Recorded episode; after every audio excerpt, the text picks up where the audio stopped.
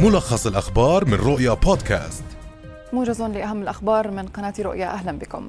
بلغ عدد الإصابات بفيروس كورونا في الأردن خلال الأسبوع الوبائي الثالث والأربعين الممتد من الثالث والعشرين وحتى الثامن والعشرين من تشرين الأول الحالي تسعة آلاف وثلاثمائة واثنتين وأربعين حالة حتى مساء يوم الخميس. وسجل الأسبوع الوبائي الثالث والأربعون سبعين وفاة بالفيروس ليصل العدد الإجمالي للوفيات منذ رصد الجائحة أحد عشر ألف وفاة. وبحسب وزارة الصحة وصل عدد الحالات النشطة حاليا في الأردن إلى 19819 حالة شيع الأردنيون اليوم جثمان الفنان الأردني الراحل جميل عواد في كنيسة دخول السيد إلى الهيكل للروم الأرثوذكس في أصوفية من ثم سيوار جثمانه الثرى في مقبرة سحاب.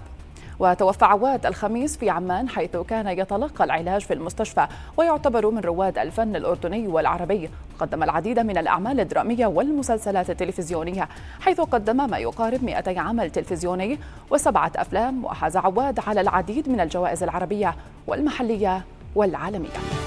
واصلت جرافات الاحتلال اليوم الخامس لليوم الخامس على التوالي جرفة ونبش المقبرة اليوسفية في القدس في حين نصبت سلطات الاحتلال الإسرائيلي كاميرات مراقبة بالمقبرة بعد أن استكملت إغلاق جزء منها لتحويلها إلى حديقة توراتية. وتمنع قوات الاحتلال منذ عدة أيام الفلسطينيين من الدخول إلى الجزء الذي تنوي تحويله إلى حديقة. رغم وجود قبور فيه فيما يواصل فلسطينيون منذ خمسة أيام احتجاجاتهم على أعمال التجريف الجارية في المقبرة التي يعود تاريخها لمئات السنين. أعادت سلطات الاحتلال الإسرائيلي اليوم تفعيل أمر الاعتقال الإداري الصادر بحق الأسير كايد الفسفوس المضرب عن الطعام منذ 107 أيام بحسب ما أفاد مكتب إعلام الأسرى في فلسطين وذكر إعلام الأسرى أن سلطات الاحتلال الإسرائيلي أعادت تفعيل أمر الاعتقال الإداري للأسير الفسفوس بعد أن قامت بتجميده قبل أسبوعين. وقال خالد الفسفوس شقيق الأسير كايد أن حالة أخيه في تدهور مستمر وبدأ يفقد الذاكرة. قال المتحدث باسم الممثل الأعلى للسياسة الخارجية والأمنية للاتحاد الأوروبي بيتر ستانو أن المستوطنات غير قانونية بموجب القانون الدولي وتشكل عقبة رئيسة أمام تحقيق حل الدولتين وسلام عادل ودائم وشامل بين الطرفين وأكد في بيان اليوم موقف الاتحاد الأوروبي الثابت والواضح بأنه لن يعترف بأي تغييرات لحدود ما قبل عام 1967 بما في ذلك ما يتعلق بالقدس المحتلة. بخلاف بخلاف تلك التي يتفق عليها الطرفان داعيا حكومة الاحتلال الإسرائيلي إلى التراجع عن خطوات لطرح عطاء لبناء وحدة استيطانية جديدة.